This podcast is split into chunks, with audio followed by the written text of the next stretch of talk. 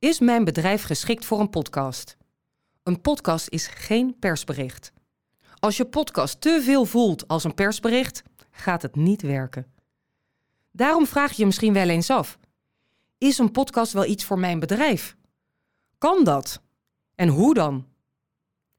Laten we eerst eens kijken waarom podcasten een mooi onderdeel kan zijn van je marketingmix.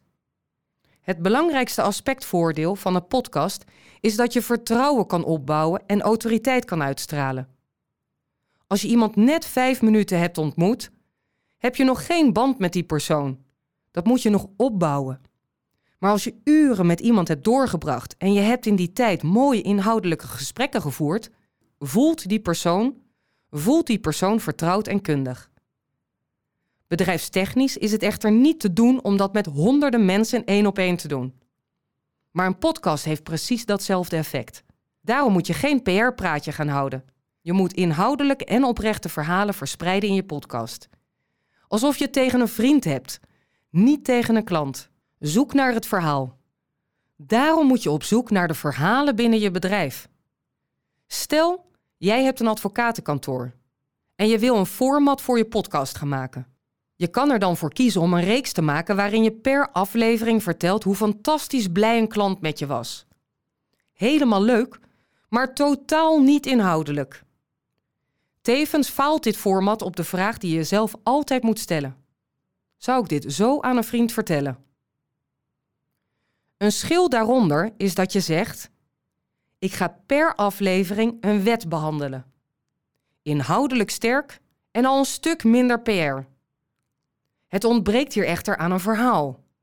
Wetten zijn droge stof en niet verhalend. Maar je kan het gelukkig wel verhalend maken.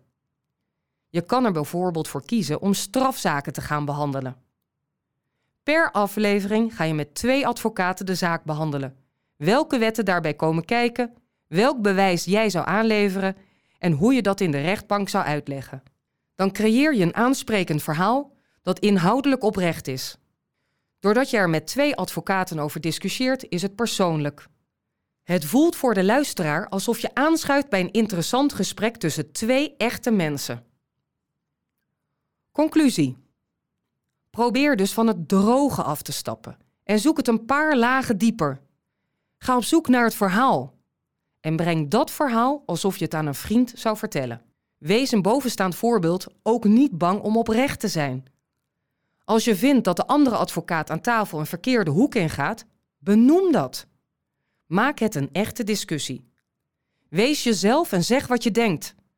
Dan creëer je een oprechte podcast met oprechte mensen.